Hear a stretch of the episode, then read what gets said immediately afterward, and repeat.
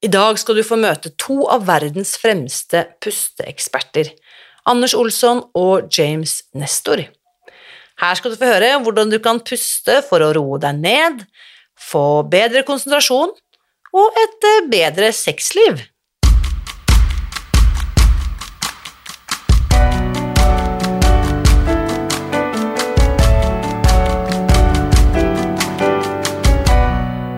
Mitt navn er Irina Lie. Jeg er journalist og forlegger, gründer og sosial entreprenør. I 2015 spiste jeg meg fri fra overvekt og fedme etter å ha slitt med vekt, kropp og følelser i nesten 30 år. Etter at jeg knakk koden, ga jeg meg selv et nytt oppdrag – å dele denne kunnskapen med alle som trenger det. I denne podkasten kan du derfor høre hele lydboken Spis deg fri. Den finner du ved å bla deg tilbake i arkivet og lytte til første sesong. Hver uke inviterer jeg nå gjester som gir deg påfyll til hodet, hjertet og magen. For min visjon er å endre Helse-Norge, og det får jeg ikke til alene. Du bidrar ved å abonnere på podkasten, skrive en omtale i iTunes og tipse meg om hvem jeg burde invitere hit. Da setter vi i gang med ukens episode. Da har vi bikket over en ny måned og en ny sesong av denne podkasten. Sesong syv, faktisk. Så aller først så vil jeg bare takke deg for at du har funnet frem til eh, denne podkasten og lytter til den kunnskapen vi deler her hver uke. Og det er jo nesten uvirkelig å tenke på at vi nå har holdt på i tre år. Og det er jo takket være deg som kommer tilbake og lytter og heier, og tipser meg om hvem jeg burde invitere hit. Og jeg vet ikke hvordan det er for deg, men innimellom så skjer det så elleville ting at jeg rett og slett må klype meg i armen for å tro at det er sant.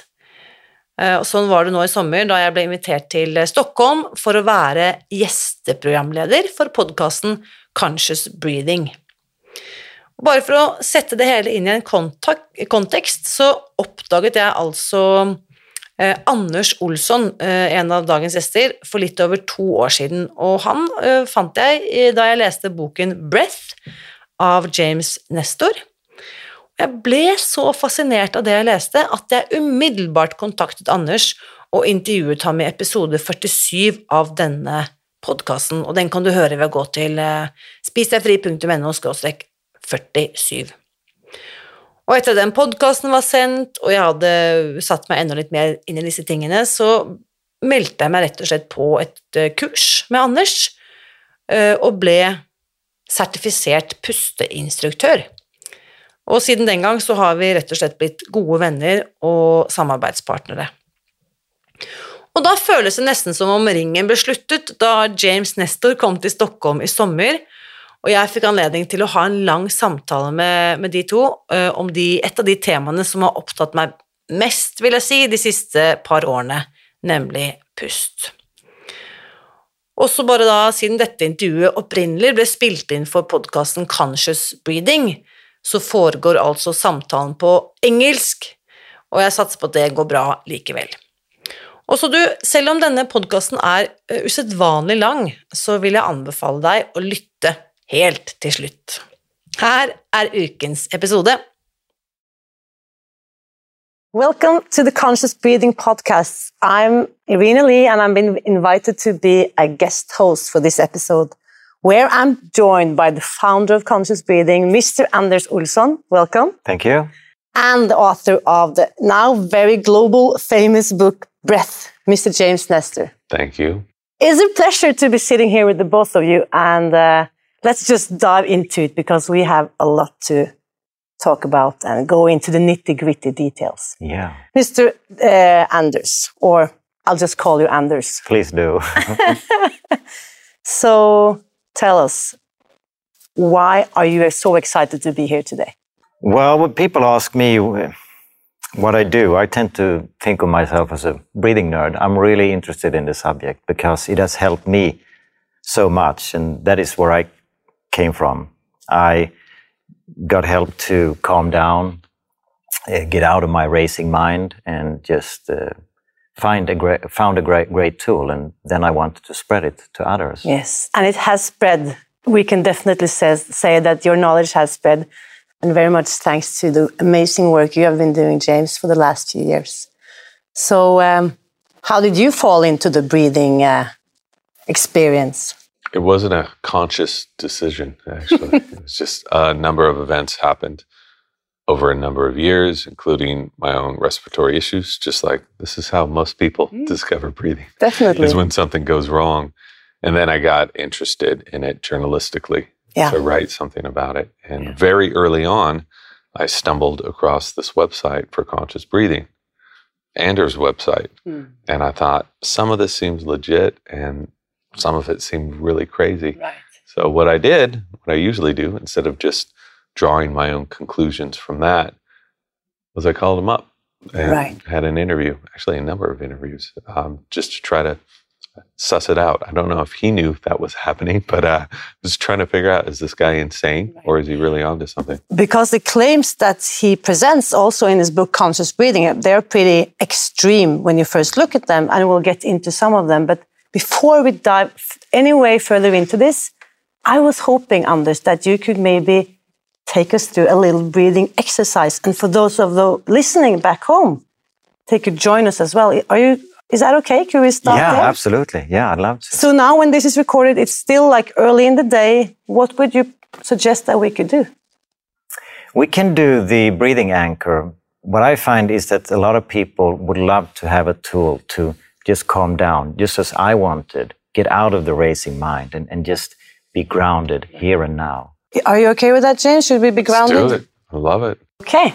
Yeah, so this is very simple. You just um, close your eyes, uh, cl- close your mouth, and you put your tongue in the roof of your mouth, and you prolong your exhale slightly. So you think that you breathe twice as long on the exhale as on the inhale.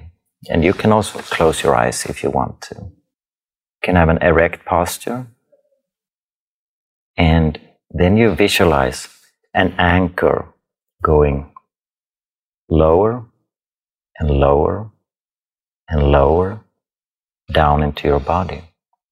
So you're basically taking the elevator for every prolonged, slightly prolonged exhale, you're taking the elevator down.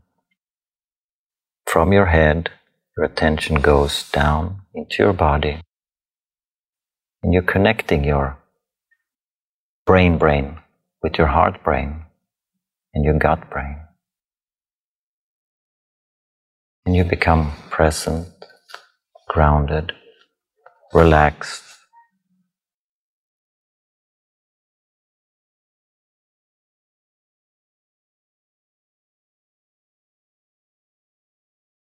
You may feel that you're breathing low and slow and rhythmically. And the key to this is the nasal breathing and the prolonged exhale.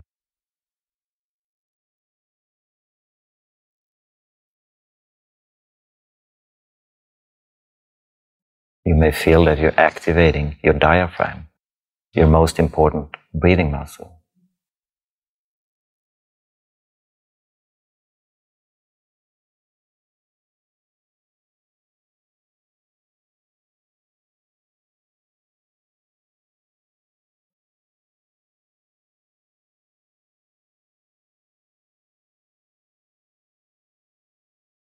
Welcome back. Wow. Now you can continue this journey. Right. So, this is probably one of the many things you discovered how you can change your state by changing your breath. Tell us, do you use this technique, the breathing anchor that Anders just showed us? I do, yeah. And I think that so many techniques, if you look at ancient yoga practices or Qigong or whatever, have the same general premise mm. of extending the exhale, shortening the inhale, and calming the body down. Yeah. What's interesting is if people don't believe that that is something that is actively working on their bodies, you can just look at simple measurements of your heart rate. You can look at nervous system function, heart rate variability, even brain waves, mm-hmm. and see how just shifting your breathing over a few seconds can have such a profound effect. That's just one of the many, many nuggets that people can read about in your amazing book, Breath, which now has been translated and sold to over 35 countries. That's, that's amazing. Congratulations. Thanks. Do you ever like kick back and like, wow, I'm, I did it. I, I, I'm successful now. I I wish I had time to do that. Haven't really had time in the last couple of years. Um, I, I view this as an extension of research that had been going on for a long time. So maybe I'm adding a, a bullhorn to, to people, researchers like Anders, like Yandell Henderson, like Carl Stough. Uh, so many people for so many years have been studying this stuff. And as a journalist, I was able just to, to come into the story as this wave was starting to, to crash and people were becoming more aware of it. Right. Because, like you mentioned, and like you also mentioned, Anders, many times, this is not something new. You mentioned the yoga tradition. There are, you know, documents that, or, or proof that this is practices that are going back thousands of years. So it's, yeah, Yeah, this is nothing new at all. right. But that's why it's so amazing that storytellers, and like you yourself, Anders, you've also written the Medveten Andning or Conscious Breathing, the book in English, and now the book that's now available through James's work in so many countries all over the world. We need storytellers, right? We need people who can bring this knowledge forward to the general public. Yeah, exactly. I, you know, that's my job. If I'm not able to communicate the stuff clearly to people who are young and people who are old and everyone in between, then I've completely failed. Hmm. So I write for a general population. Right. And so much of this stuff is very technical, which is why so many people haven't ever heard about it or Right. considered it because it's all hidden away in academic journals. And so my job and Anders' job is to spend months and months and years and years reading these extremely boring academic journals and trying to find the story and create pieces of the puzzle to form a larger picture. As a journalist myself, who I'm probably, I'm definitely the newbie on when it comes to breathing. I fell into this world at the start of the pandemic, of course, mm-hmm. where I physically felt that I need to do something about my breathing patterns because I was never afraid, but I was ridden by anxiety, right? Mm-hmm. And that goes into your breath immediately. I mean, you could probably put me in a state of panic by giving me a, what would I need to do breathing wise in order to get a panic attack here and now? Well, I think commonly uh, when you look at a panic attack, the breathing is high up in your chest and it's fast. And what you do then, you get rid of carbon dioxide. So we inhale oxygen, and then we are basically like carbon dioxide factories. Um, these um, mitochondria in our body, they um, convert the, the food we eat together with oxygen into energy plus carbon dioxide. And then we exhale the excess carbon dioxide. So when we have this fast and shallow breathing, we upset the oxygen carbon dioxide balance. So we get too much oxygen and too little carbon dioxide. And if you come to the hospital with a panic attack, you get a bag to breathe in and out through. And the reason why it like works. a gray paper bag that we've seen in the US movies when they hide their alcohol bottles, that, Yeah, that yeah. kind of bag, right? Exactly, yeah. And the reason why it works is because you exhale about 100 times more carbon dioxide than you inhale. And when you exhale that into a bag, then you will rebreathe it, right? When, when you have the bag in front of your um, face. And that means then that you will increase the carbon dioxide pressure in your body. And the reason why you get calmer then if you have a panic attack is because carbon dioxide has a relaxing and widening effect on the smooth muscles that surround the airways and the blood vessels. So this panic brain is actually starved of blood and oxygen. So when you then increase the carbon dioxide pressure, you open up your airways, open up your blood vessels. So the, the panic brain can get oxygen Right. and blood. Uh, Which is kind of paradoxical in what we are taught. We, everyone thinks that more oxygen is what we need, but it's actually increased levels of CO2, carbon dioxide. Yeah, in my view, it's ca- carbon dioxide that paves the way for oxygen, opening up the airways, opening up the blood vessels, so that the the oxygen that we need so desperately that it can reach the cell. I mean, uh, we, we talked about this many times. Anders calling himself a breathing nerd. Like the level of knowledge that goes into this and the, what should I say, uh, the advancement of this knowledge, taking this and making it more, what should I say, available to the public. How, tell, tell us a little bit about that journey. How has that been for you to translate the science language into common language? Uh, it was awful. It was a terrible journey. I'm being totally sincere. You could talk to 10 different doctors about the same thing, and they're going to give you 10 different responses, and they're going to ridicule the last person you talk to.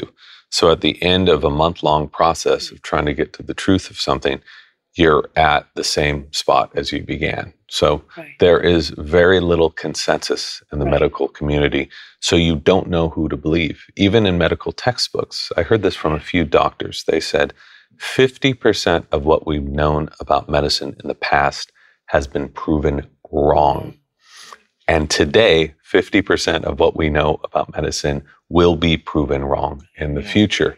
So you have to go back. What I try to do is first look these interventions, will they harm us or not? If they have no negative side effects, then that seems something worth hmm. exploring, right? What's the worst thing that you can happen to you? I wasted a little time on something that didn't work. Hmm. It's okay. Rather than having something very bad happen to you.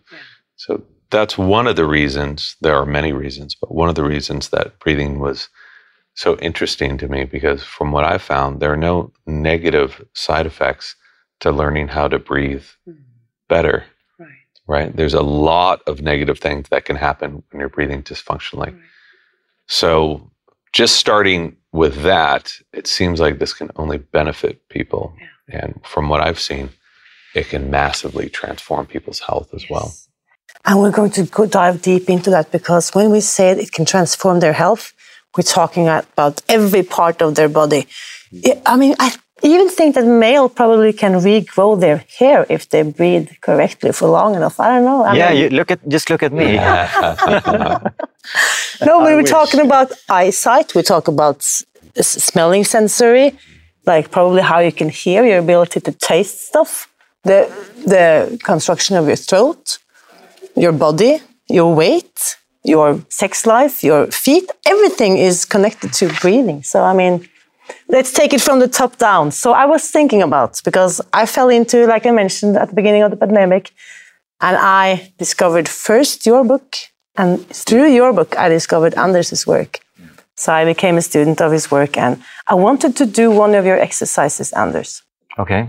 If everyone can raise their right index finger and close off the right nostril, just lightly pushing your right nostril. You don't have to put it inside your nose, just outside of it, that's fine. And just then breathe gently through your left, now open nostril. Let's take three breaths. No particular rate. And without any do, uh, further ado, just change the nostril, close off the other one. Three more breaths. And just check which nostril is open for you right now. I don't know if everyone has gotten a sense on this, what nostril is open for you? This one, the right one. The right is more nostril open. is yeah. more open. Is it a big difference or is it a subtle difference? Or Mm, a s- more a subtle difference, yeah. what about you, James? Right by far. Right by far. So it's the left is definitely more closed right now. yes. So for me, also the left, a little subtle. It's I had to check a couple of times because it wasn't clear. So left open for me, right for you, James, and for you it was also the right. So what does that indicate? Who wants to answer this? Well, there is uh, science uh, saying that the the um, there is this lateral connection between the right nostril has a, a connection to the, the left side of the body and, and the opposite. No, the right nostril being connected to the left side of the brain, but it actually connects to the right side of the body. as well. Okay, okay, okay. So the switch happens above the nose. yeah, So the right side being open for you guys, that implies that you are more in a sympathetic state right now, which is a little bit more, what should I say, forward leaning, awake, aware, alert. yeah. And for those of us who have the left side more open right now, we're a little bit more relaxed, more in a state of the parasympathetic nervous system response.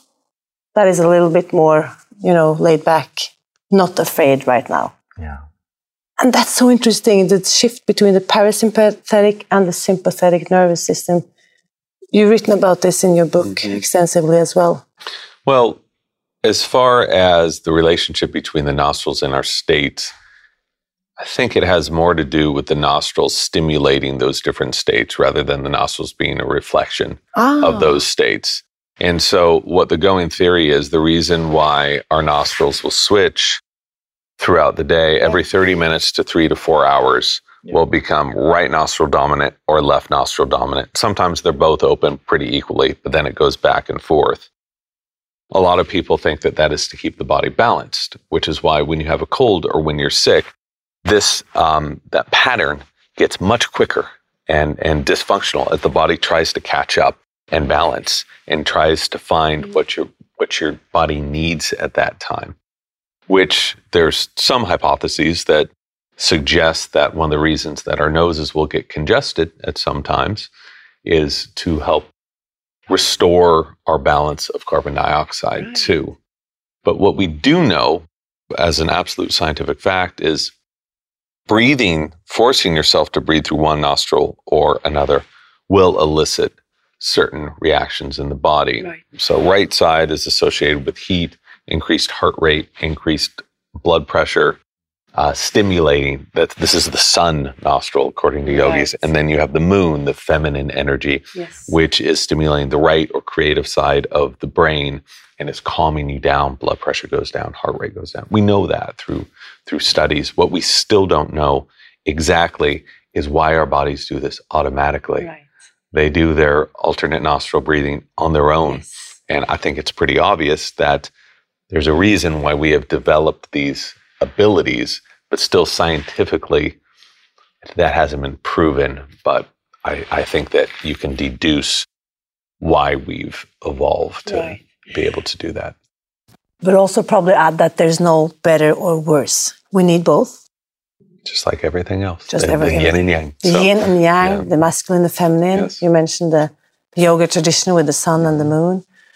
So, how often do you check your nostril breathing, Anders? Like, what state am I in? Never actually. Never. No. Never. No. What about you, James? Do you do it? Never, no, no, because your bodies are automatically doing that. Uh, I do some alternate nostril breathing when I want to get into a certain, certain state. state. That's hacking your body's own biology, what it's naturally doing. But I very, very rarely check. That's interesting because someone told me, like, what if you started checking and take that into consideration?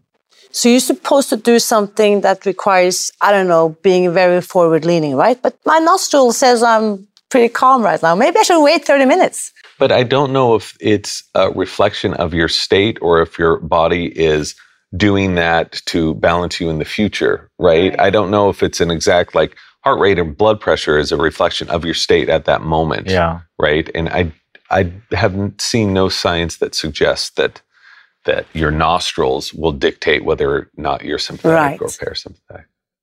So, which brings us back to how the two of you met. And we just discovered it was 2017, so it's probably five years ago at the time of this recording. You Yeah, I remember you- the first you- time Yeah, sorry. first time we we talked. It's actually five years almost to the day. You know, you called me up and and uh, we had had some email before. I felt, as you described earlier, a little. You were a little lost, right? You you had so many conflicting information from different sources, and uh, I think I I confirm that as well. That view that a lot of people have different opinions, but in general, there is little knowledge, more opinions. And uh, anyway, you- you came here um, to, uh, we, we spent a few days together, and I, I thought I wanted to see what you're made of because I had read your book, Deep, which I was really impressed about. And I thought, oh, this is an adventurer.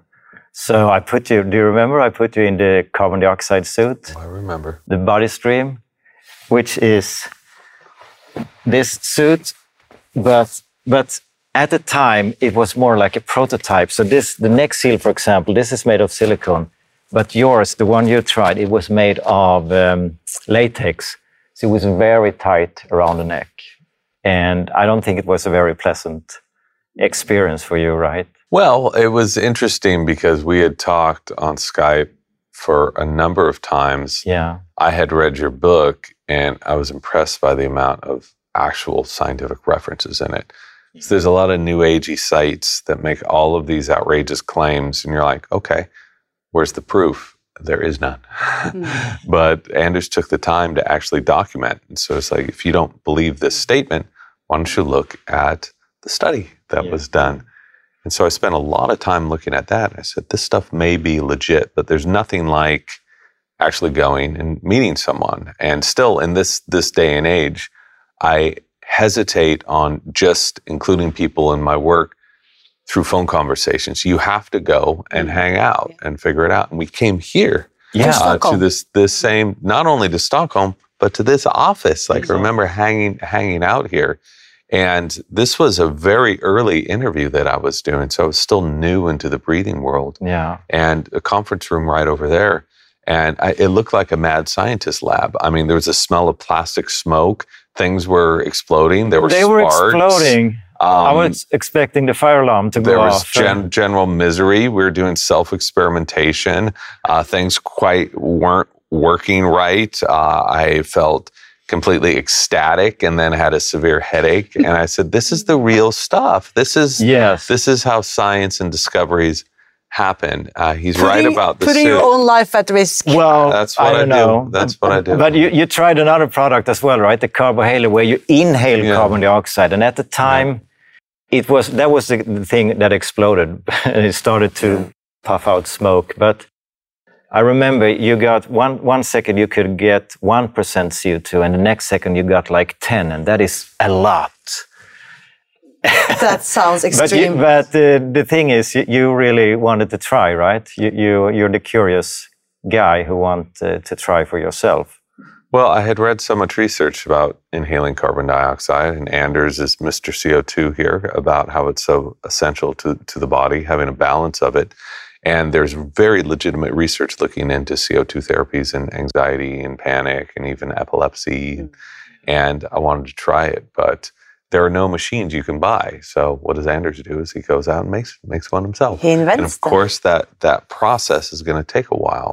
You're going to screw up along the way for years and years and years until you find a way into it. So for those of us who might not be as risk uh, uh, hap- trigger happy, is that what you call it? Sure. Uh, adrenaline junkies. So you have done some other inventions, Anders. And I want to talk about the sleep tape, which was also something I discovered uh, earlier in my Right. journey. So I know you brought some sleep tape with you here today, and Yeah, it's this little. uh, and just before we start the recording, you just said, uh, James, "Ah, I gotta get some more of those sleep tapes because I ran out of it. So when did you, James, start t- taping your mouth? It's a good question. Um, I don't know the exact time I started doing it. I remember very early on, Anders had given me some of this stuff, and I thought it was pretty, pretty crazy. I tried it. I hated it. I really. I Yeah, what, why did you hate it? because it's stupid looking. I mean, it, it looks ridiculous. Why would any animal need to tape their mouth shut? Have you ever seen at- a dog? Have you ever taped your dog's mouth? No, I would never do that to my my dog. So I did not understand the issues behind sleep disordered breathing and mouth breathing at that time and how they can cause such serious chronic illnesses, uh, mental problems, physical problems, and more. I didn't know that. I thought that this was more of a lifestyle choice. Like, hey, it's better to breathe through your nose, which seemed reasonable, but I did not take it too seriously. So now, I mean, you you have tons of videos on YouTube. You teaching other people how to tape their mouth, taking them on a gentle journey. If anyone wants to go research, go like check out YouTube, James mouth taping. So, I, in your book, you explain it like put it on as a Charlie Chaplin, uh, uh, you know, a mustache. Others refer to it maybe as a Hitler mustache, but you know, whatever preference you like. That's how you started, right? Putting it across your lips. Yeah, and those videos are by no means an authoritative view on mouth tape. What I try to state very clearly is I've tried to use a zillion kinds of tape. I've tried it many different ways. This is what worked for me, but it doesn't mean it's going to work for you. Okay. This is what I've come to. People say it's impossible to wear mouth tape because you have a beard, so I'm not going to do it. Totally wrong. I've, I found a way of doing it that works for me. Hmm. And so, what I was trying to express to people who are hesitant about taping their entire mouths or they have beards, I said, what worked for me is using just a little piece of tape. Yeah. And I did not hear a lot of people talking about this. If you look at YouTube as well, under mouth tape, there's some people that use seven or eight different strips every single night. They do this. That works for them. I hmm. find it complete overkill. So I found that these little edges of this mouth tape here Ah, um, work just fine for me. they're and just I like would a cut them up. centimeter wide, just I like can't a take this off half. Would, would, would, would that be in inches? Like not even Yeah. a quarter of an inch. You know, this can work for a lot of people because all it is is a reminder. You're not hermetically sealing No. your mouth shut. This is what this is the technology. Are you ready for this? It's going to blow your mind. I'm ready. This is what took me years to figure out. Here it is. Oh my god! Look at You at can hardly see the tape on Does the this mouth. look dangerous to you? like I'm going to die? It's extreme. It comes off that easy. Yeah. At any time, it comes right off. So when people tell you, "Oh, mouth taping," you know, you're risking death. They have no idea what they're talking I, about. I have a clue why they might think so. Why? Because I've seen pictures of Anders online running half a marathon with a full on, what we call in Scandinavia, gaffa tape, Duct tape. Yeah. duct tape, yeah, like he's yeah. typing his head from ear to ear. Yeah. And it looks, that looks extreme. Anders, why on earth did you run half a marathon with whole half of your face blocked off? Your nostrils were open though. They were indeed, yeah, luckily. Well, I just wanted to try. And, and uh, I mean, if you want to get some attention, you should probably not use this one, which can barely be seen. So obviously, everyone thought I was completely out of my mind. But people also paid attention, right? So I wanted to get that message across. Hmm, how am I breathing when I'm uh, running here? And a lot of athletes, it turns out that they don't have a clue about their breathing, which is really, really interesting because it lays the foundation, right, for the oxygenation of your muscles and your nervous system so that you are able to perform in your sport. So what you're saying, I could actually tape my mouth. I don't need to use the duct tape, but I could actually do nose breathing for whatever sports I'm doing, probably.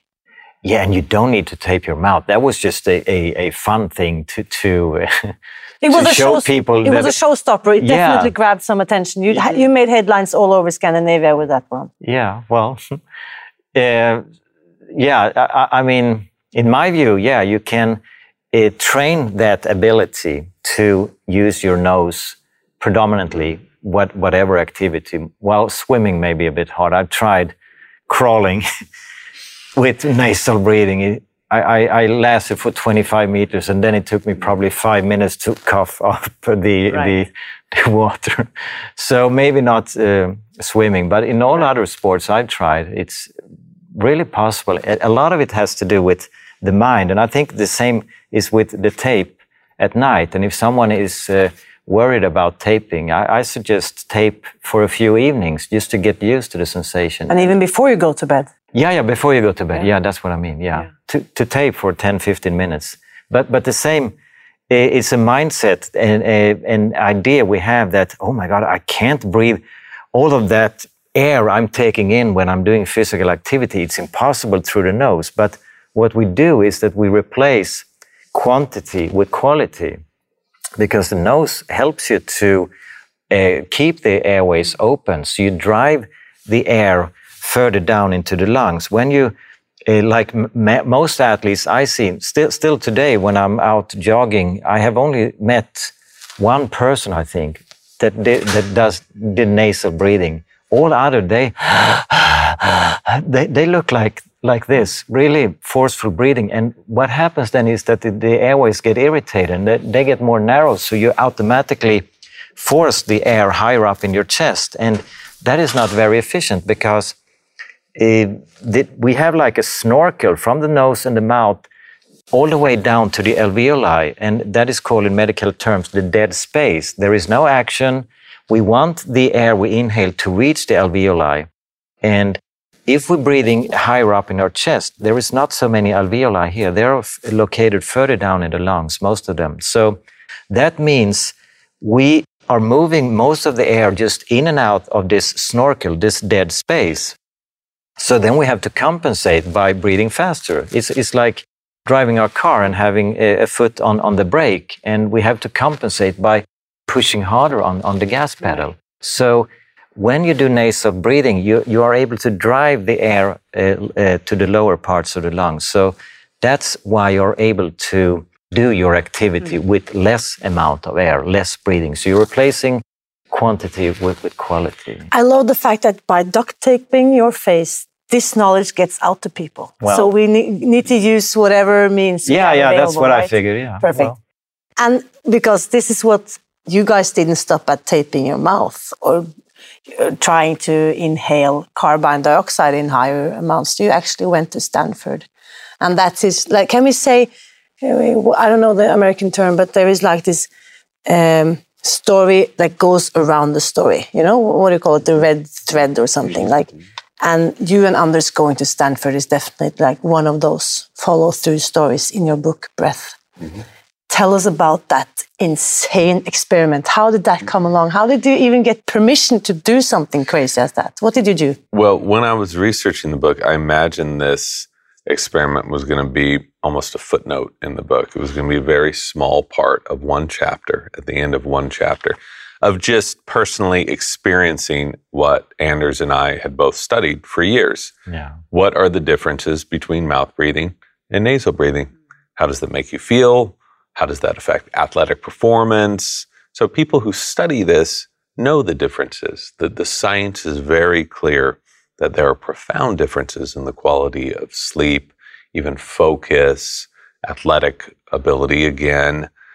And so we were curious to experience this personally, having read so much about it. I had begun a friendship with Dr. Jayakar Nayak, who I had interviewed numerous times at Stanford because I live in San Francisco. Stanford is quite close. And he liked this idea and we really wanted to get a bunch of people involved. I said, You're a nose guy. He's one of the leaders in the world of rhinology research. He had no money for it, could find no money for it. So um, he's like, You can use my lab. I'll cut you a deal, but you have to pay for this study. Right. So, uh, and at Stanford, that is not cheap. Trust, no. trust me, trust Anders on that. So, uh, I was, and so I signed up. I was like, okay, I'll, I'll just do this experiment, and it'll be this kind of funny thing that will be included in the book. Then I thought about it. Said a one person experiment means basically nothing. Like you need at least two people. Not as though two people, that means a ton, but it means a lot more than, than one person. 100% more, right? So, yeah, 100% more. That's, that's a big difference. I remember asking Anders about it. Yeah, I was thinking, who can I call? Like, he, let me look in my Rolodex. Who can I call to join me I, for this human experiment? I asked him and I introduced the idea, and he's like, yeah, that sounds terrible. and we just kind of left it at, at that, after especially everything you know about nasal breathing and, and mouth breathing. Because the experiment was to actually close. No, no, wait. My, my view is, okay. is, is a bit different. I remember you telling me about the experiment that you were going to do. Okay. And I thought, oh, what a great idea. And I thought of this, uh, this, uh, the guy who ate McDonald's for a, right. a, yeah, a, yeah. a month. Uh, yeah. Size, Super size me. Size me, yeah. Uh, I, I, I, thought it was a bit similar to that. But then a, a few months later, you asked me, hey, do you want to join? And I said, no, absolutely not. But I'm way too curious to to uh, not join. So uh, is, is I also wanted the experience. Yeah. Is it is it proper to ask like uh, what did you have to pay this? Oh my god! You know what did this experiment cost you? Can I ask you? Ridiculously expensive. I don't remember the exact amount. I think it was something like for each person eight thousand. Yeah, $8,000. $8,000. nine thousand dollars. Um, and and so that is obviously you get forty people in this experiment. Who's going to pay for this? no, the answer is nobody, and they were very clear about that. Nayak cut us some deals. It would have been a lot more expensive had he not. And we were able to actually use Stanford to and all their facilities to do the blood work, do the pulmonary function tests, do the blood gases, all of that. And then we created our own little lab back home, house. right? So, so the experiment was set up. It's ten days mouth breathing, ten days nasal breathing. So breathing. 10 recording. days Yeah. mouth breathing, meaning Yeah, you actually 24 7. Yeah. 24 7 for Yeah, 10 all days day straight. long, all day so long, you plugged your nose, you put up some plastic stuff. Everything we could find. Everything, anything around. Try that. I'm going to jam that. Cotton, tape, uh, earplugs worked pretty well. You had some good, some good ones. So you really like the silicone earplugs. So your nostrils were just starting to flare out, just filled with silicone, and then tape on top of it uh, at night was a pretty good one. Um, Your I- social life must have been amazing these days. Well, it. yeah, going out to restaurants and look like an Oh, we alien. like complete idiots. And a lot of that got cut from the book is I remember we were at this one restaurant and the waiter was just thought we got matching nose jobs. I was like, if this is the result of a nose job, then man, that surgeon should be fired. Uh, so people didn't know what was going on. And it was embarrassing because you're also talking like this all the time. And we were just like exhausted. It was beyond all the laughs. The first couple of days were like, ah, this is pretty funny. It was so bad. It's so awful, really bad. You, you describe it pretty well in, in the book, but I'm thinking that there must be in sections here there's, during those 10 days that are left out because I also get that there's a rising tension between the two of you. I mean, i- is that, am I fantasizing right now? Or? I thought we kept it together pretty. We definitely well. did, but we weren't at our peak uh, state, right? I mean, No. we we were definitely exhausted, both of us. And I mean, the last day at Stanford, after 10 days uh, with mouth breathing, and I remember you didn't like the needle, right? When we were measuring Right, the. and Uh, that's how they measure blood gases. It's not a needle in here; it's right on your wrist. yeah, and it you, they have to go to the arteries. The, the, the veins are much. Um, uh, you can access them more easily. The arteries they are deeper, so it, Deeper, yeah. it hurts. And they need to analyze it within 15 minutes, right? This, the mm-hmm. CO2 And this blood is, gas. yeah, this is the reason they do it in order to measure your CO2 levels. Yes. And then they came back and told James, sorry, it was a failure. You have to do it again. Yeah, I was not happy about that's. The, I think that's the one time where I really blew it. I was like, "What the hell am I doing with my like? Why can't I write about puppies or birds or something?" Uh, so there was a lot of questioning about my life choices, but we had made it to that. I said, if I can just get through Right. this awful eight hours at Stanford again with these tests, which I mean, they've been conducting tests this way for, there's other ways of collecting information on CO2, but there's the standard protocol. We're going to stick a needle in your wrist. Um, with all the technological advances, you just start wondering, you're like, what is this system that we're all in? I think you were questioning that too. yeah. But we thought just if we can make it through this day, the next 10 days aren't going to be fun because we have to eat the same thing, walk the same amount of steps, but at least we're going to be nasal breathing. Yeah. At least we can be breathing the way humans are supposed to breathe. Because this was the second part of the experiment. You did the 10 Yes. days, you did all your blood work, and you did also the measurements that you described pretty funnily in, in like in your home studio, in your Yeah, home lab. Was it back in your house, like in your living room? Yeah, I have two floors, two different units on my house. So I took the whole downstairs unit, It became a lab, and I I lived down there and slept down there and was just down there. And Anders was right across the street, so he could walk over in his in his socks, and we could just do three times a day do do the right. testing. So you did like oximeter and pulse and uh, all a kinds lot of of stuff. things balance eyesight we did push-ups and measured our hrv we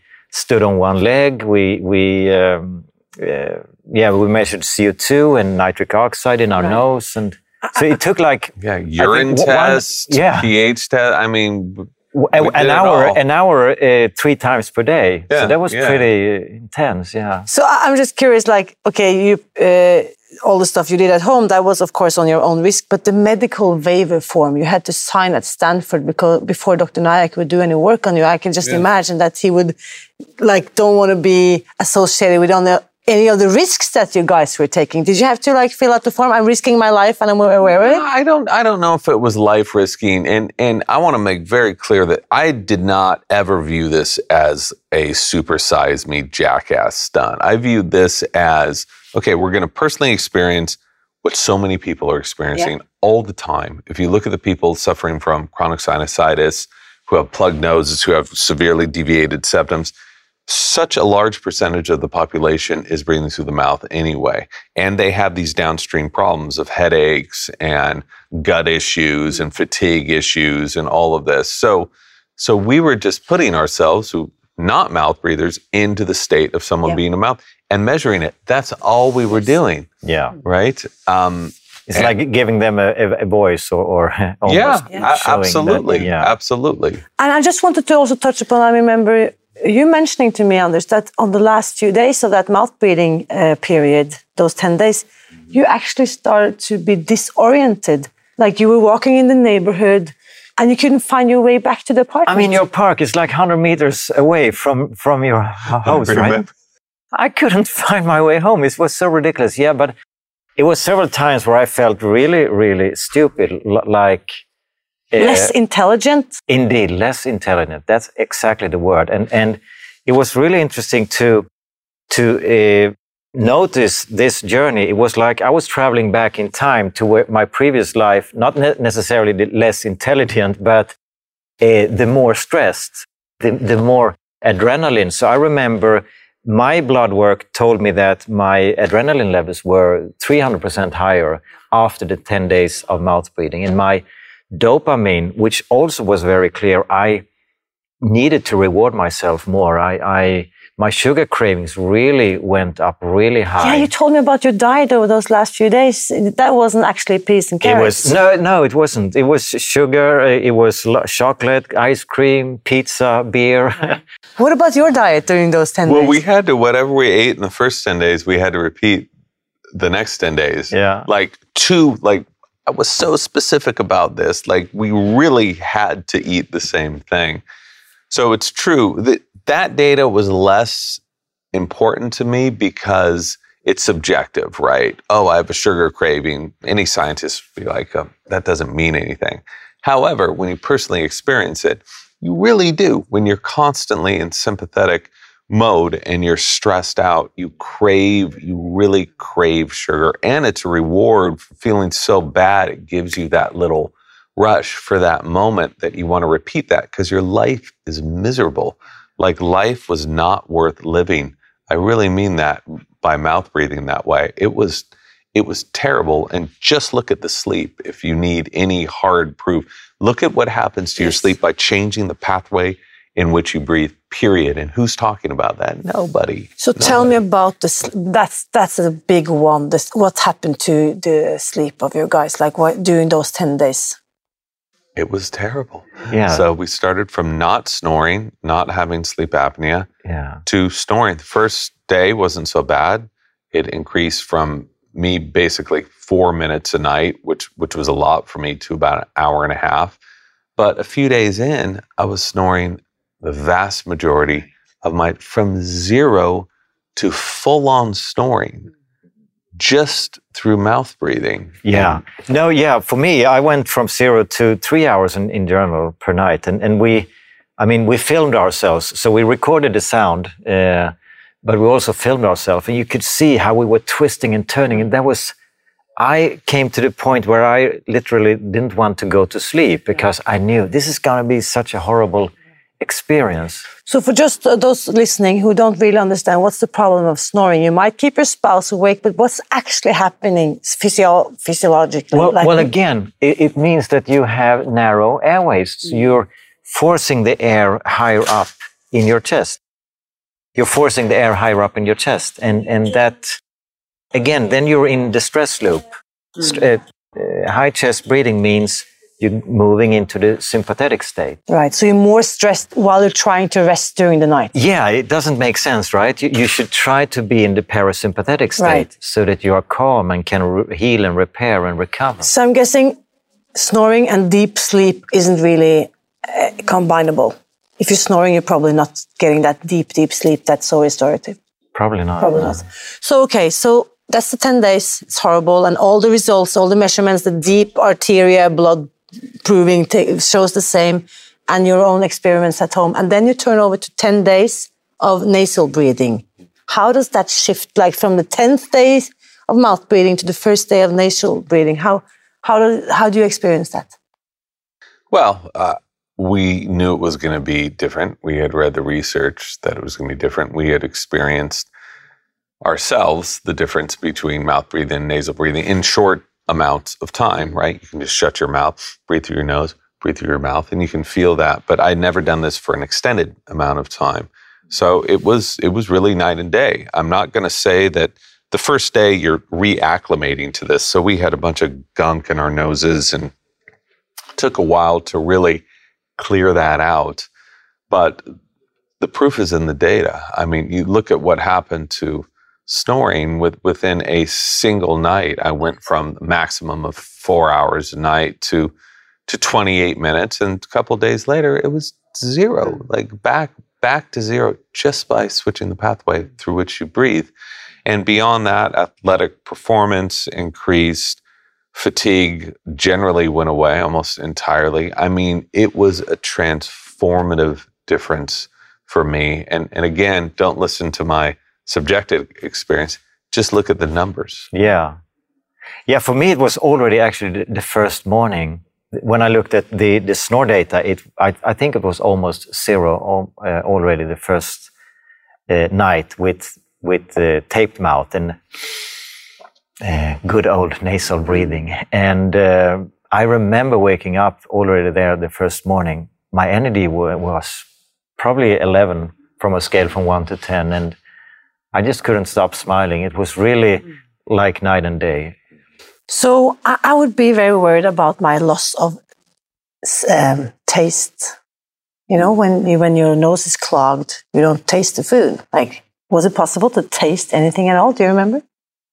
Yeah, yeah, it, it was because some scents are able to travel up through the sinus the cavities, not just kind of, here. right. Um, a lot of that taste was greatly diminished, but but I remember being able to taste food. It was not very enjoyable because it's harder to swallow that way as as well. Mm. So the reason also I'm bringing in food, I mean, we talked about your background as a journalist, and I, me myself being from Norway. I know you also traveled to Norway years ago with a group of crazy surfers to ride the waves of Lofoten, mm-hmm. and I noticed in your article that you had a pretty interesting diet. So I brought to both of you a little something. For you guys listening, they're now opening a small Okay. thing from Norway. Wow, this is A quite a surprise. I didn't know not know you were going to go in this direction right right now. Did you? No, Yeah, not, it's at all. He said I could be in charge of the So it's not fermented. Uh, Oh, awesome! That's Very. fantastic. So this is what we in Norway call klassisk tørrfisk. Okay, So this is, of course, on the, uh, James, you've tasted this before. So do you want to tell me, tell us about this?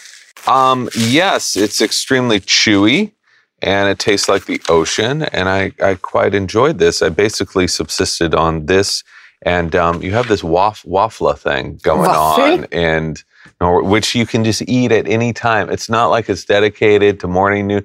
You can just pour yourself a waffle anytime. And I just thought that was the most wonderful thing wherever you went, eating waffles. So what this is, is dried cod. hmm And it, of course, that Thank it's, you. you're so welcome. It's made famous to, of course, the Spanish bacalao, the Portuguese bacalao, of course. But so um, the reason also I'm bringing this up because there is a link between how we breathe and how we eat.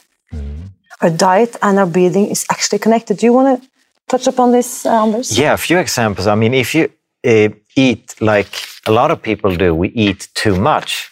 When you fill up the stomach, that will affect your ability to breathe. It- it- It's harder for the diaphragm to work if you uh, eat a lot. So that will force up the breathing higher up in the chest. So what what uh, the, the, it's called sympathetics is called fight and flight, and parasympathetic another name for that is rest and digest.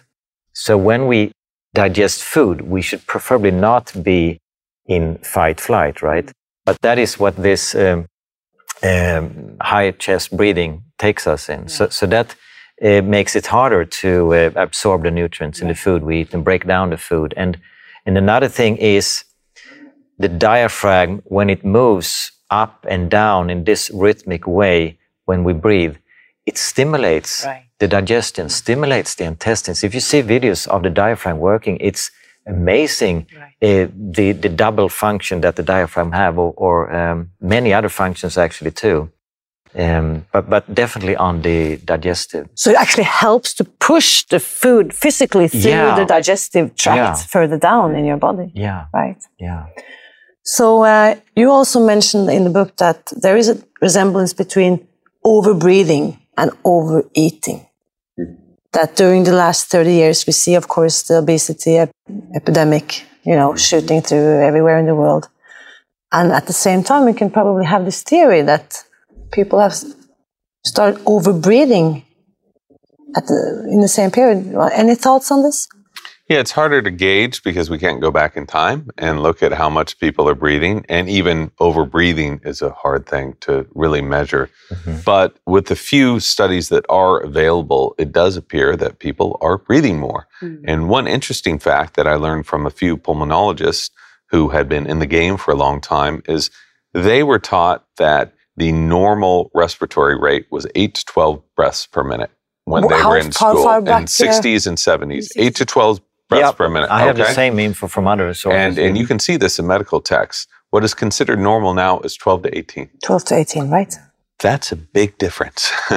is. So I my hunch is, and again, we can't prove this, but you can put all the pieces of this puzzle together, and it appears that people are breathing more now than than they were. Thinking that overbreathing is giving them more oxygen, but as Anders has studied for years and years, the opposite is happening when you are overbreathing. It makes it harder for your body to upload. So it- just to bring this to the food, right? I mean, this dried cod, that's pretty chewy. You have to work pretty long in order to swallow that thing. And your jaw needs to work and your palate is involved and, you know, your tongue needs to do this, right? And it probably, the digestion probably starts in your mouth when all the enzymes and stuff is released.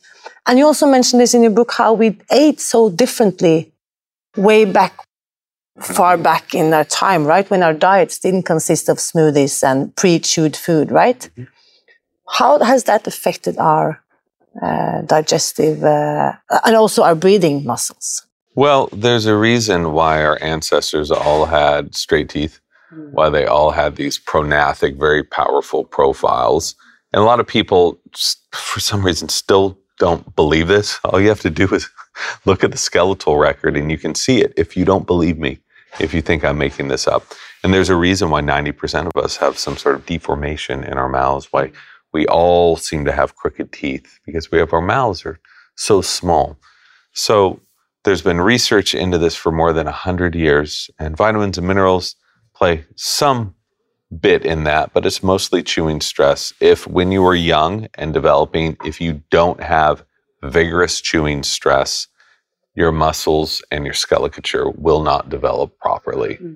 Period. And that makes perfect sense. It's like if you're not running around all the time, if you're just sitting around, then your legs aren't going to develop properly. If you never use your hands, then they're so it makes it's the same thing with with your face and all of these muscles and all of these bones. So if you only eat ultra processed foods, Anders, yeah, pre-chewed food, like I like to call them. yeah, baby, hap- baby food. baby also, foods. What yeah. happens to our breathing muscles? Well, it gets uh, narrow. You don't develop the, this area fully, and, and that can then uh, lead to problems in the throat area.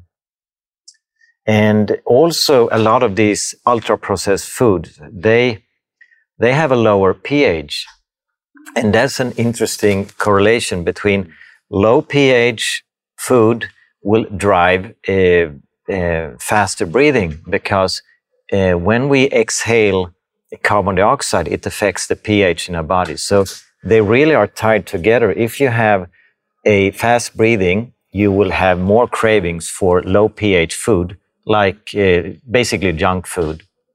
And uh, vice versa, if you eat junk food, you will start to overbreathe in order to compensate, in order for the body to maintain the right pH balance. Right.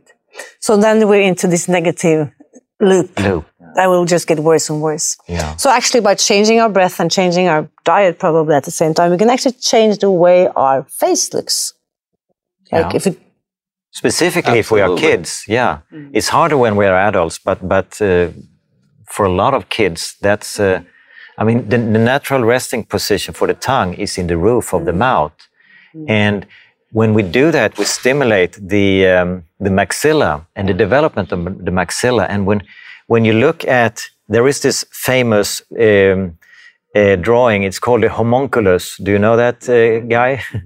they they uh, uh, make a drawing of uh, the body parts and their representation in the brain, and obviously the hands they are huge, the feet are big, the uh, genitals are big.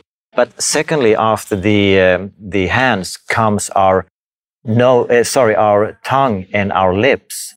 So when we have our mouth open, when the tongue doesn't rest in the roof of the mouth, then we're basically telling the uh, brain that it's like squeezing our hands, telling us, okay, there is stress. I have to be alert. So that's a reason why kids, they want to suck the thumb or they want to have uh, pacifiers. right. Which reminds me of this other great story that we were just talking about the other day as well. How you also mentioned that in the native um, societies, uh, there are actually traditions that shows that they go around and close the mouths of the little babies, or just right after they have been given milk from their mothers, the mother would make sure to seal or to close their jaw so that their lips are tight. Mm-hmm. Tell us a little bit about that research. Not only that, but they were acutely aware of their breathing all the time. And so that practice of shutting a kid's lips, especially with an infant, would just train them to become nasal mm-hmm. breathers, as well as breastfeeding. When you're breastfeeding all day, the only way to breathe is through the nose, right? So once you go from that and then train an infant to keep their mouth shut, they will default to nasal breathing, which is exactly what you want to do. They even went so far as to build these little beds for infants. Don't do this at home. Okay. I don't think uh, this would be too accepted nowadays. That were this flat board, and they would put the infant on this flat board because they said it allowed them to hold their mouths shut when they were sleeping at night and allowed them to have a more handsome profile later on. Is that true? There will never be studies in, in, mm-hmm. in that, but it's an interesting that they thought it was so important that they went as far as doing that. Mm-hmm. I don't think it's a coincidence that Native American tribes were the tallest humans to have ever walked the earth, as far as we know. Seven feet tall, some tribes were. Right. And since we're in Scandinavia, we met uh, the, a woman just a few weeks ago who also had some Samic uh, ancestors. And when she had her baby, the Samic grandmother would come over and close the baby's mouth. Yeah. There you go. Yeah, so Samic, that's an indigenous. Uh, The indigenous people of, Yeah, of Northern sure, Europe, sure. right? Which shows that these techniques that you refer to from the Native American tribes, they were actually known and are still known in the elder generations in the Samic population in Yeah. Norway. And to me, it makes perfect sense. And the same researcher who was looking at Native American tribes in North America went down to South America and they followed the exact mm. same procedures. And of course, if you would look at their teeth, they would be Perfectly straight. Yeah. Because they are formed around the tongue. So if the tongue is not resting in the roof of the mouth, then the, the muscles of the lip and, and the, the cheeks will push the, the, the teeth inwards, Right. right. And then there will not be enough room. Plus, So- when, you, when you add the, the baby food, when we're not chewing enough. Right. So, So the Native Americans and the Samic people, they would need braces in order to have. probably not. None of us needed braces. this is the deal. We didn't need wisdom teeth extracted. We didn't need any orthodontics to straighten our teeth. We had straight teeth just like every other animal. So th- this this idea that braces are just this default now for for kids. I had braces, extractions, all that stuff is ridiculous because a few hundred years ago we didn't need them. Right. So who should we blame? Ah, you can blame whoever you want. I, I don't know if this is a blame game. It's just a realization of what has happened, and once you understand the core issues, you can then fix it, and that's what it's all about. The, the, the, the, the word you mentioned the other day as well, which makes me kind of, I don't know, sad is probably the word, this evolution. Mm-hmm. That we're actually going in the wrong direction. Yeah. Americans, the life expectancy has lowered. Yeah. Isn't that great? With all the technological advancements in medicine, life expectancy is still going down. going down. It's insane. After, of course, increasing for number a number of oh, years, yeah. and now doubling, it's actually. doubling. It's going down. I had to check for Sweden and Norway. We haven't still gotten to that tipping point yet, you but we are following as fast as we can, running after you guys in the US. We will be in the Don't this do it. evolution. Why? We- Why? because yeah, that's a good question. But we, we definitely we, we follow your culture. I, you know, I come out here though, and I don't see it. go go to an airport in the Midwest of America. It looks vast, vastly different than things are out here. So Okay. you're doing something right. So what we could do, Anders, we could blame the Americans because they always start with the. No, I don't like just- the blame I'm game. just- I- sorry. Okay, but let I me. blame the Americans. absolutely. So let's go even further. We talked about the native tribes. I want to go take us all the way back to Aristotle. He said, because aren't you agree that there is some philosophical part of breathing? Sure. Yeah. So Aristotle said, we come become what we consistently do. Excellent, therefore, is not an act, but a habit. You probably heard this quote before. I haven't. I love that. That I'm sure some corporations have co-opted that and put it Yeah, on on some there, yeah. poster above workers, but stripping that away, that's beautiful. That is a beautiful quote. So our excellence is not an act, but is a result of our habits. Indeed. Which, of course, brings us to the topic. I'm holding you guys now to the table. What are your breathing rituals or your habits, Anders? Please. Well, I tape my mouth still at night. I do. I um, do physical activity almost exclusively with nasal breathing. I used to be very competitive. Some say I may still be a little bit competitive, but uh, when I do exercise, I don't. I, I have this idea that I, I don't go uh, harder, push myself more than my na- nose can deal with. So that's what I do, and I use my little uh, relaxator. Oh, I'm glad you brought that. We're going to talk about that in just a bit. Yeah. Hold on to that. And of course, the breathing awareness. I uh, sometimes I still consider myself a beginner because when when we engage in life, when we when I'm sitting there at the computer or, or looking at my mobile and, and getting focused and concentrating, I, I still have this tendency to to hold my breath. It's not that easy to keep to these uh, low, slow, rhythmical breaths when we live our daily life uh, in this society where we have stimuli coming at us all the time and exposed to all these, I guess, delicious food that may not be the best for our body. I, I think a lot of our society is structured around satisfying our brain. Our, our body nece- doesn't necessarily want to run a marathon or drink uh, five beers or, or uh, have tight deadlines. It may be a construct to, to deliver adrenaline to, to our brain or dopamine or, or whatever we are addicted to. What about your routines, uh, James? I think at the beginning every morning I wake up and put on my robe, and then I have a bunch of beads, and I spend about two hours uh, using special oils, and then I sit in complete darkness for about six hours and practice on my breathing and focus on a deity. And uh, that's pretty much my day. Then I go to sleep. Yeah, so And then you post a selfie on Instagram. yeah, all, all all the time. Usually shirtless. I've got my abs oiled up, and I look, I look pretty impressive. So, a lot of people think that when you spend years and years writing a book on breathing, yes, you do become a complete neurotic, especially when you're recording your breathing, when you have wearables looking at your oxygen, when you're looking at your heart rate variability, you're trying to find that perfect breath. but I'm a journalist, so I'm a researcher. And once I go deeply into a field, I have the luxury of leaving a lot of that behind.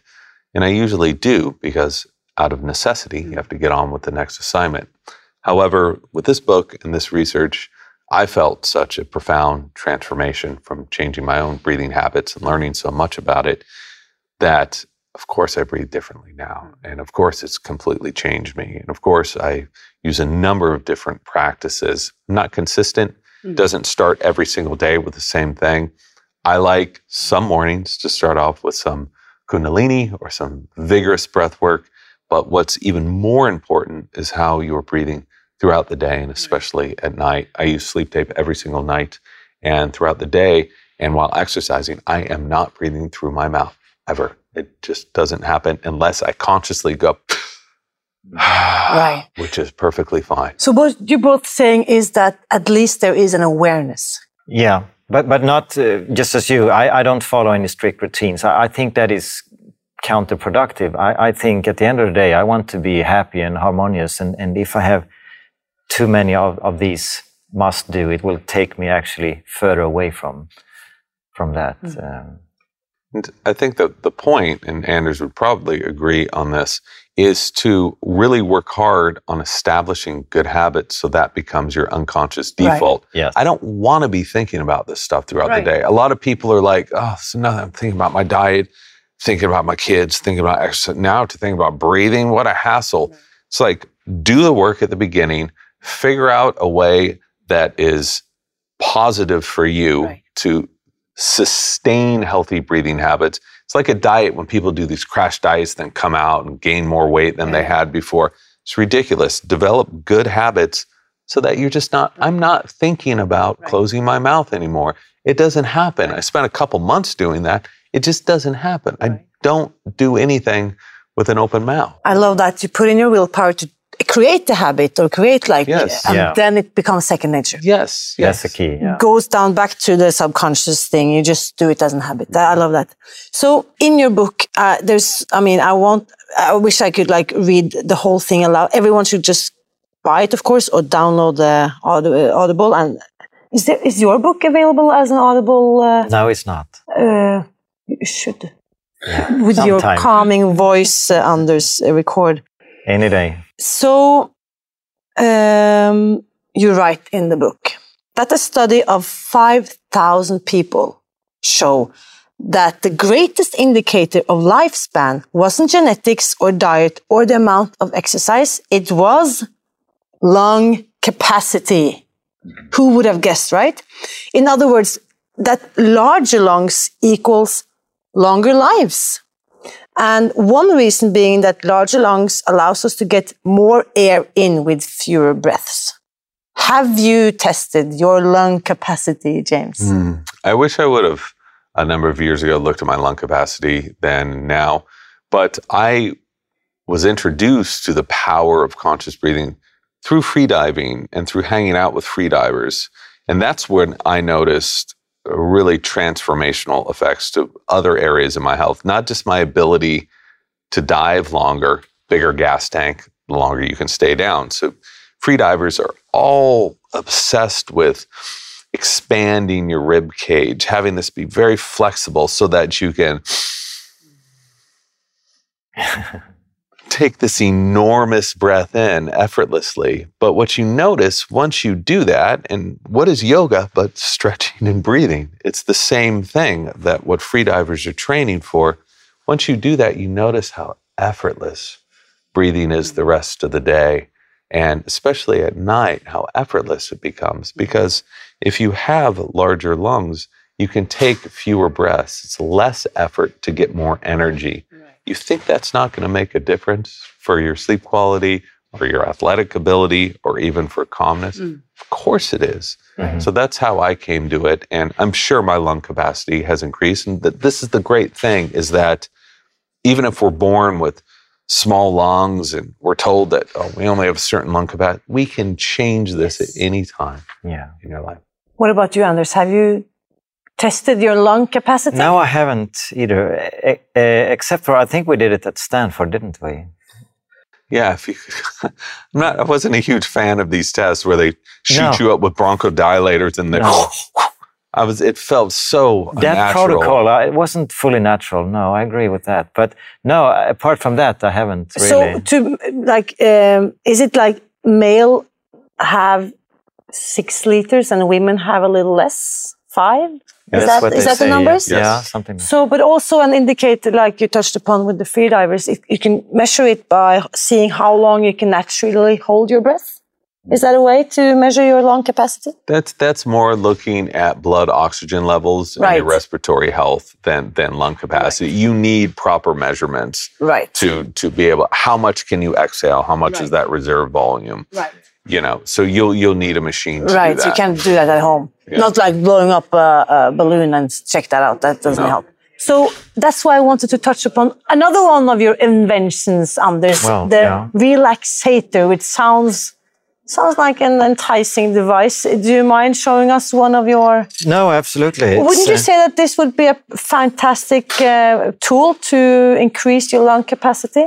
In my view, when we think about lung capacity, it's not only about you know expanding the rib cage. It's also the understanding that CO2 has this uh, relaxing and widening effect on the smooth muscles surrounding the airways. So, if you increase the carbon dioxide in your lungs, as well as if you're breathing through the nose, so that the inhaled air is spiked with nitric oxide, which also has similar effect to CO2, it helps to open up the airways. So if you do nasal breathing and low and slow breathing, that is, in my view, the key Right. to get a better lung function.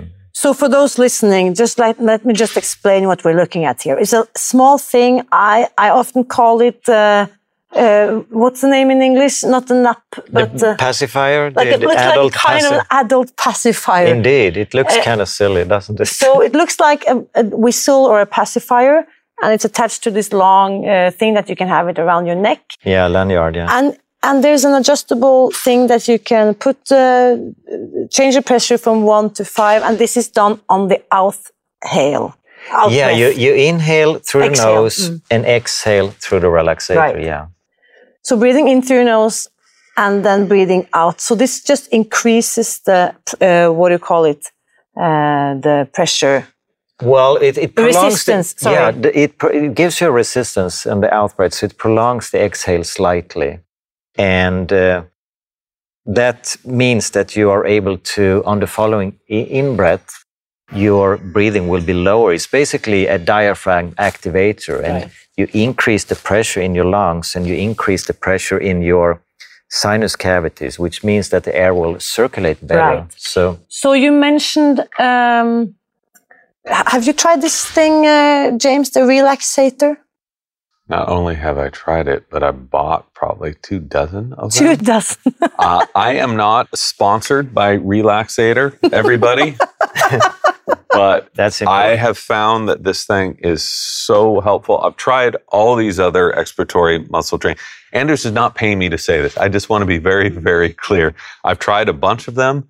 This one by far works the best, and I love how it's so small. I have one right in my office. I use it all the time. I travel with one as well, and I've given them to dozens and dozens of people. So now we've got an explanation of what happens to us physiologically, but what happens to us? How does it feel? Why do you use it? Why? Mhm. Uh, Because your breathing patterns can become dysfunctional if you're in states of, of acute focus or, or in stress. And I've noticed that this helps restore and maintain that natural rhythm. A lot of people say, I thought you were just talking about how breathing through your mouth was really bad news. It's bad news because there's no resistance when Mm. I'm exhaling through my mouth. This is causing resistance. So a lot of that humidity and pressure that you're not getting from breathing without any resistance is restored. I wish there was a study looking at using pursed lipped breathing versus breathing through the nose. I'm sure there might be a few other benefits to exhaling through the nose, but I bet most of those benefits are restored when you're ujjayi breathing. Ujjayi breathing, right?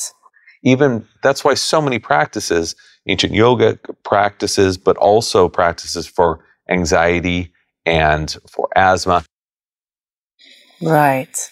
what is that doing but holding that breath in, allowing you to get more oxygen, allowing you to become more relaxed. This does that for you and uh, it very easily fits in your mouth. So whenever I'm heading into a very complex work problem, I usually put that in just to sort of restore my breathing. So what you're saying, this book would probably not have been written if it hadn't been for the relaxator. it would have been written, but uh, extremely poorly.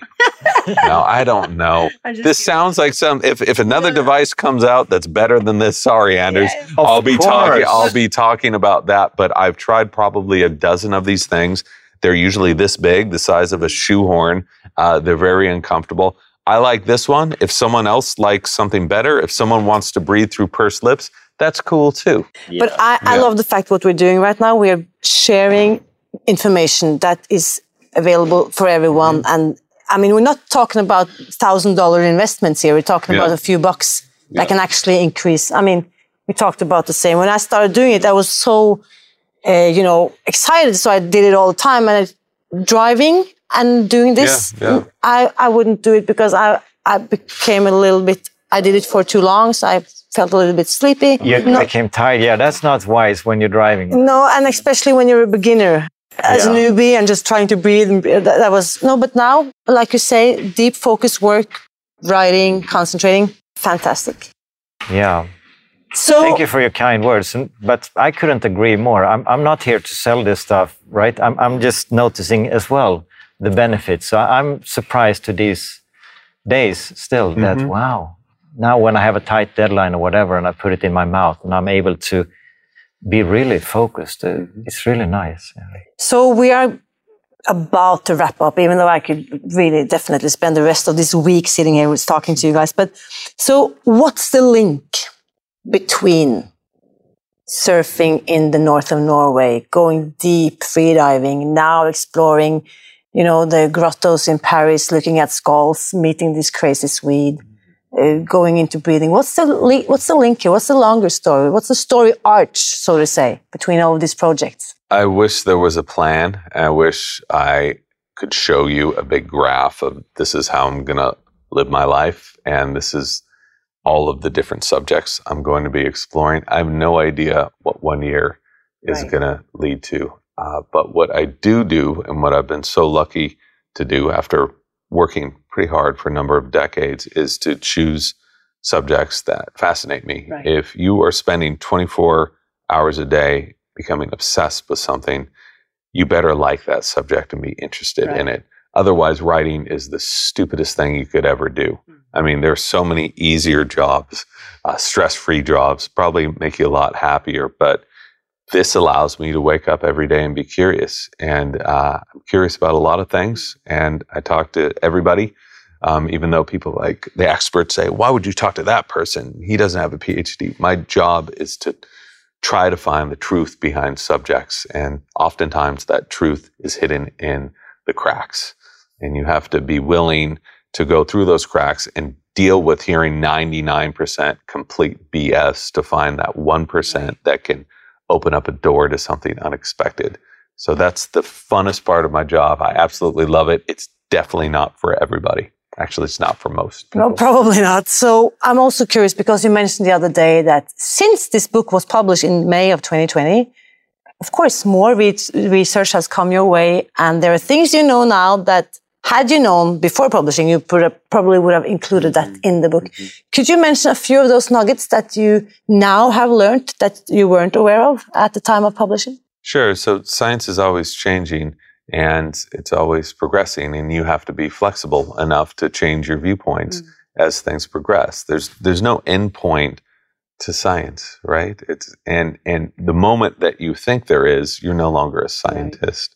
You're a religious zealot um, that is only able or only wanting to think within a particular box.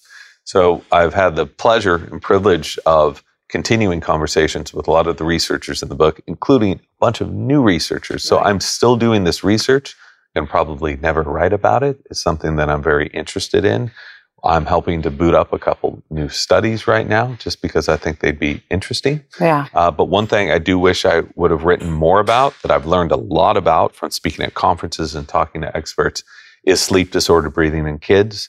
I mentioned it a little bit in the book ADHD, sleep problems, chewing, sleep problems. But what I've learned is there is a huge epidemic with kids that is going to destroy a lot more people's lives than any other disease uh, out right now. Sleep disorder breathing Right. is just wrecking people's lives. So I know also from your work, Anders, that when you have the testimonials from the kids and the young adults and the boy who was 13 who definitely changed his entire life just by doing some of your easy exercises, tell tell tell us like how does that affect you, knowing that you can positively positively create an impact for the uh, coming generation. Oh, that, that's the most beautiful gift. And just going back to myself, I think that is what I would have wanted more than anything else. That tool, that knowledge, that ability to, because my right racing mind was there with me since as long as I can remember. And uh, I, I found it often very hard to get out of it. So I can really relate to those kids. And, and it's fantastic when they share their stories, how such simple things, such simple knowledge can actually have such a huge impact. Yeah. You know, I have kids myself, and I, you know, I sometimes go over and tape their mouths while they're sleeping. no, I haven't. No, I, I have invited, and they've tried it, both of them. Mm-hmm. You know, they haven't really gotten the hang of it, but you know, at least they're curious. And I know a lot of kids now among my friends' kids. Mm. And one young boy, he has he has an asthma problem, and he has benefited greatly from it. Hmm. And another one who was um, addicted to what do you call it, on nasal sprays. Mm-hmm. She could quit the nasal spraying after just taping her mouth at night. Very bad for the world economy, what we're saying here. Right. So keep using those sprays. You don't have to use them, just keep buying them, keep people employed. We're all No, be but- okay. Uh, yeah, since you bring this up, imagine the medical industry. If people would do these techniques, we could only guess how much, you know.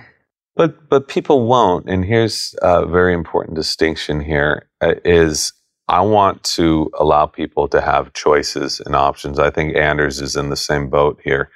You can never force anyone to do anything, and what I've found is the majority of people do not want to be bothered with this stuff, which is perfectly fine. They don't want to change their diet. They don't want to exercise. They don't want to change their breathing. That is fine with me. I'm not going to judge anyone for anything. But if they don't have an option, if they do want to change these things, that is wrong. They should have an option to be like, there's another way of doing this that you may benefit from. Might be a little more work, but the outcome will be much more favorable. Make your choice. I think we have that choice with food now. I, you'd be hard pressed to find people who think eating McDonald's every day is good for you, eating candy bars every day is good for you. That's how it was when I was growing up. These foods are fine. We now know that those foods are crap.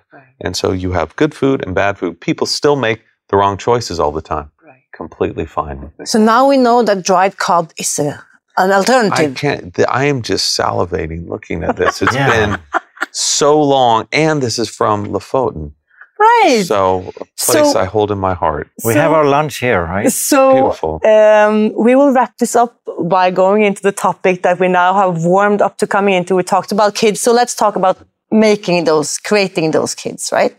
Sex life. Are you ready for this? Sure. No, did not know this was where we were going. Of course So, you didn't. okay.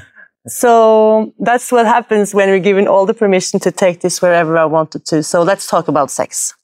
Because at least you, Anders, claim that breathing can impact your sex life. Yeah, I do. Yeah, all from all, uh, my own experience.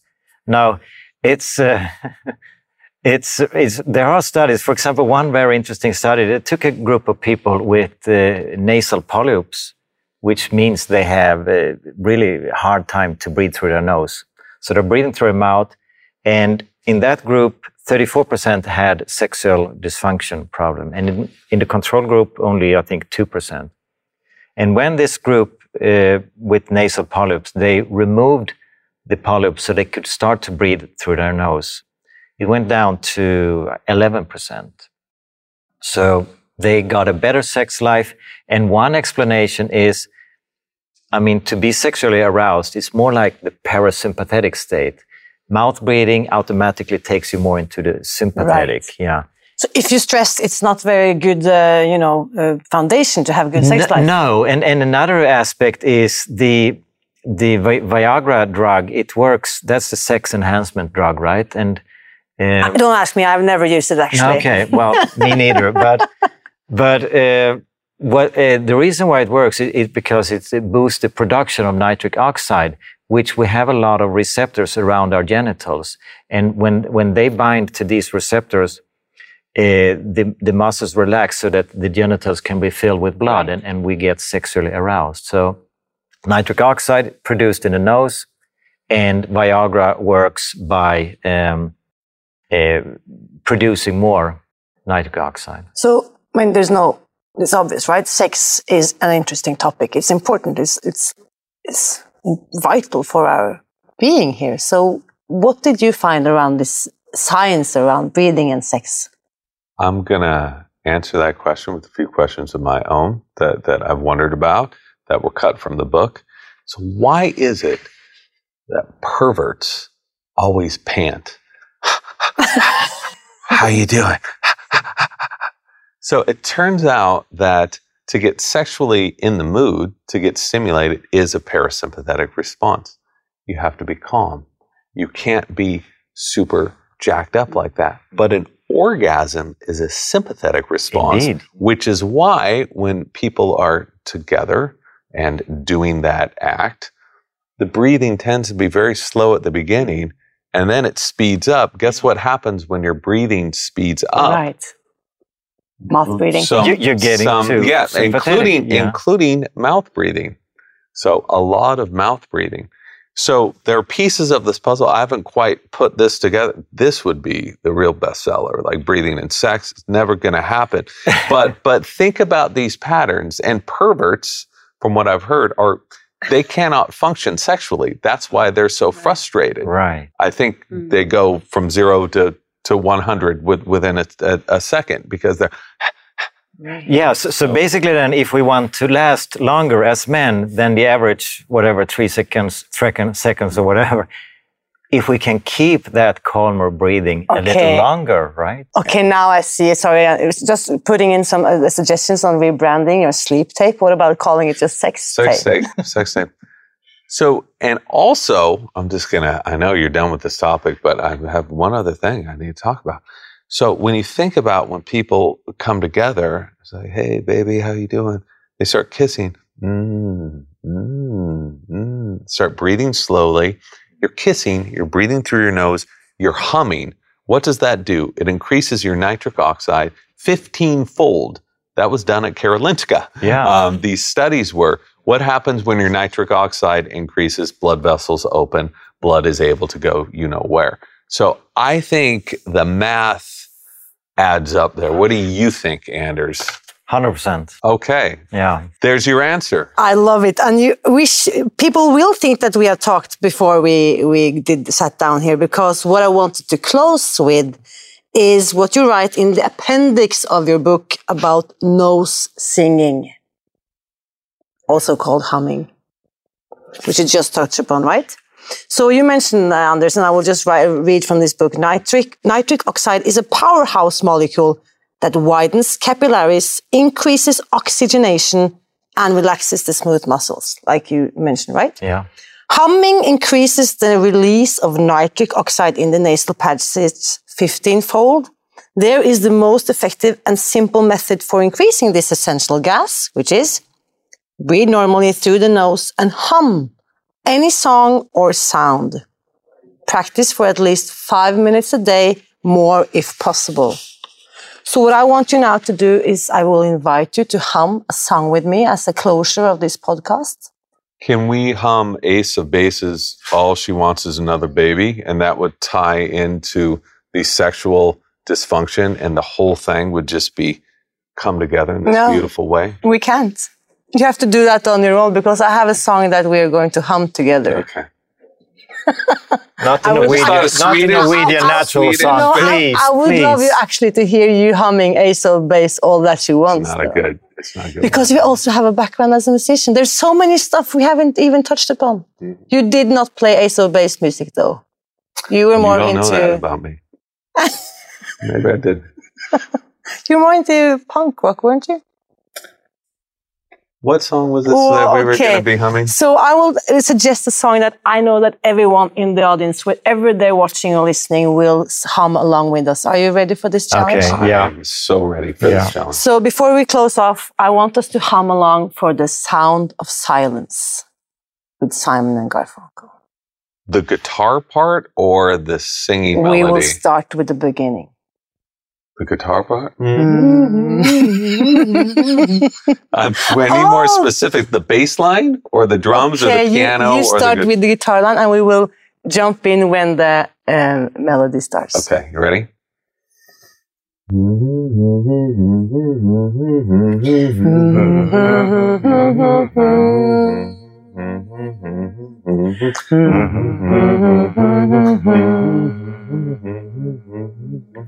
Mm-hmm.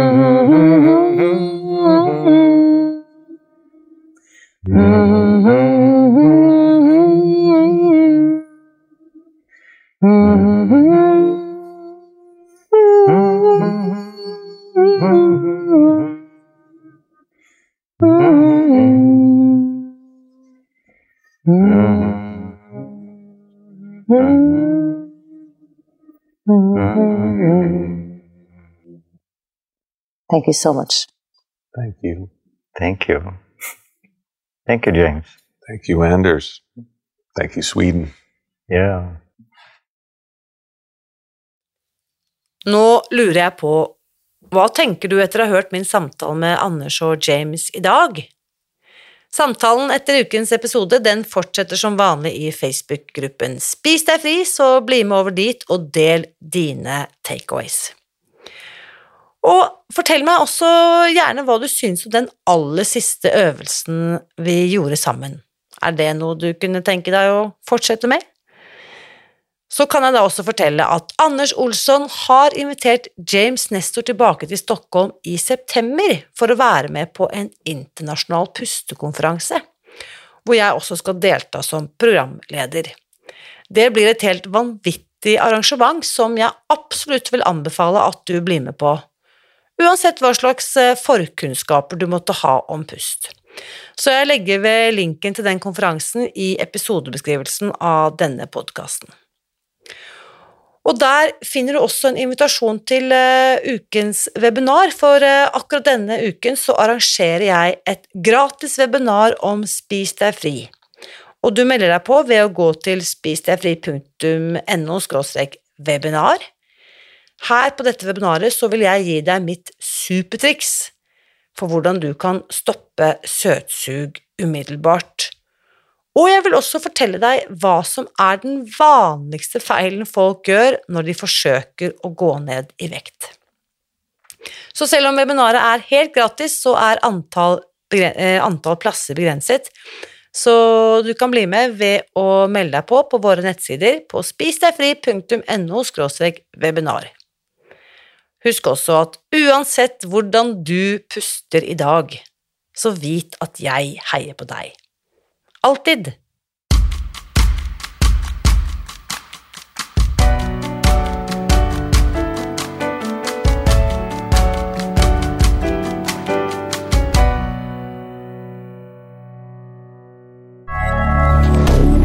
Moderne media.